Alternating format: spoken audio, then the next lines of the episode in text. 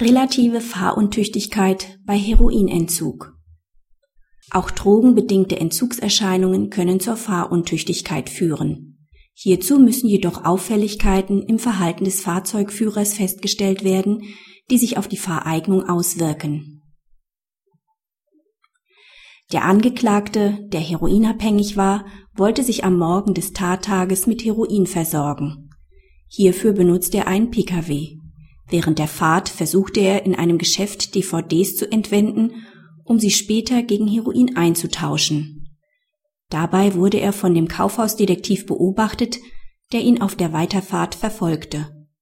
Der zunehmend unter körperlichem Entzug stehende Angeklagte lenkte seinen Pkw auf eine dreispurige Straße und fuhr mit einer Geschwindigkeit zwischen 40 bis 60 Kilometer pro Stunde auf eine Lichtzeichenanlage, die rot zeigte, zu. Dabei sah er sich nach hinten um, um festzustellen, ob der Detektiv ihn weiterverfolgte. Zu diesem Zeitpunkt überquerte ein Fußgänger die circa 15 Meter hinter der Haltelinie für Kraftfahrzeuge befindliche, ebenfalls mit einer Lichtzeichenanlage versehene Fußgängerfurt bei Grün.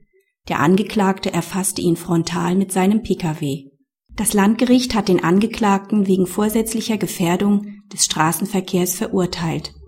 Auf die Revision des Angeklagten wie auch der Staatsanwaltschaft wurde das Urteil aufgehoben.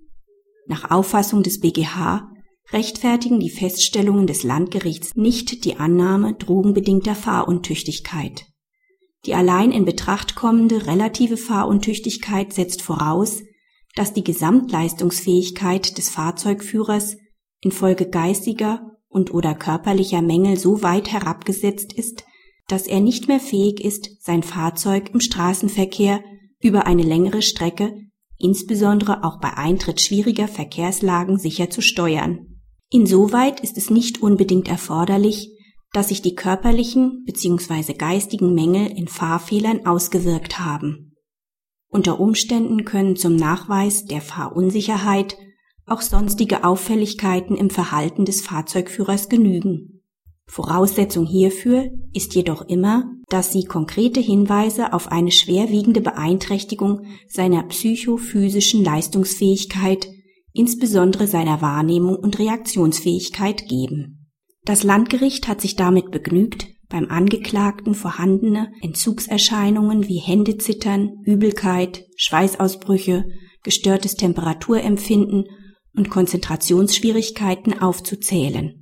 Eine Auseinandersetzung damit, ob sich diese körperlichen Mängel auch auf die Wahrnehmungs- und Reaktionsfähigkeit sowie die Risikobereitschaft des Angeklagten ausgewirkt haben, fehlte.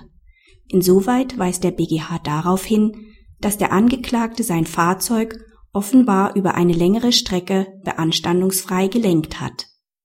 Auch bei dem Diebstahlsversuch wies er keine körperlichen oder geistigen Auffälligkeiten auf.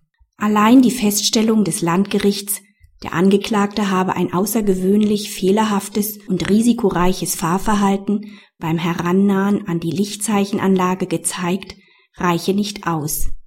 Dieses Fahrverhalten konnte auch dadurch bedingt sein, dass der Angeklagte vor dem Ladendetektiv fliehen wollte.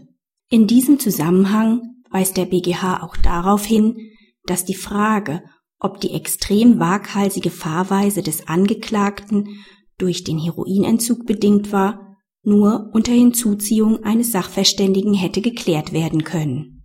Praxishinweis Die Entscheidung des BGH stellt deutlich die Anforderungen heraus, die an die Annahme der Fahruntüchtigkeit zu stellen sind. Im Bereich der drogenbedingten Fahruntüchtigkeit gibt es bislang keinen Beweisgrenzwert für die Annahme absoluter Fahruntüchtigkeit. Von daher muss immer festgestellt werden, dass sich die drogenbedingten Beeinträchtigungen, dies gilt auch für Entzugserscheinungen, unmittelbar auf die Fahreignung auswirken. Fahrfehler müssen ihre Ursache gerade in den drogenbedingten Ausfallerscheinungen finden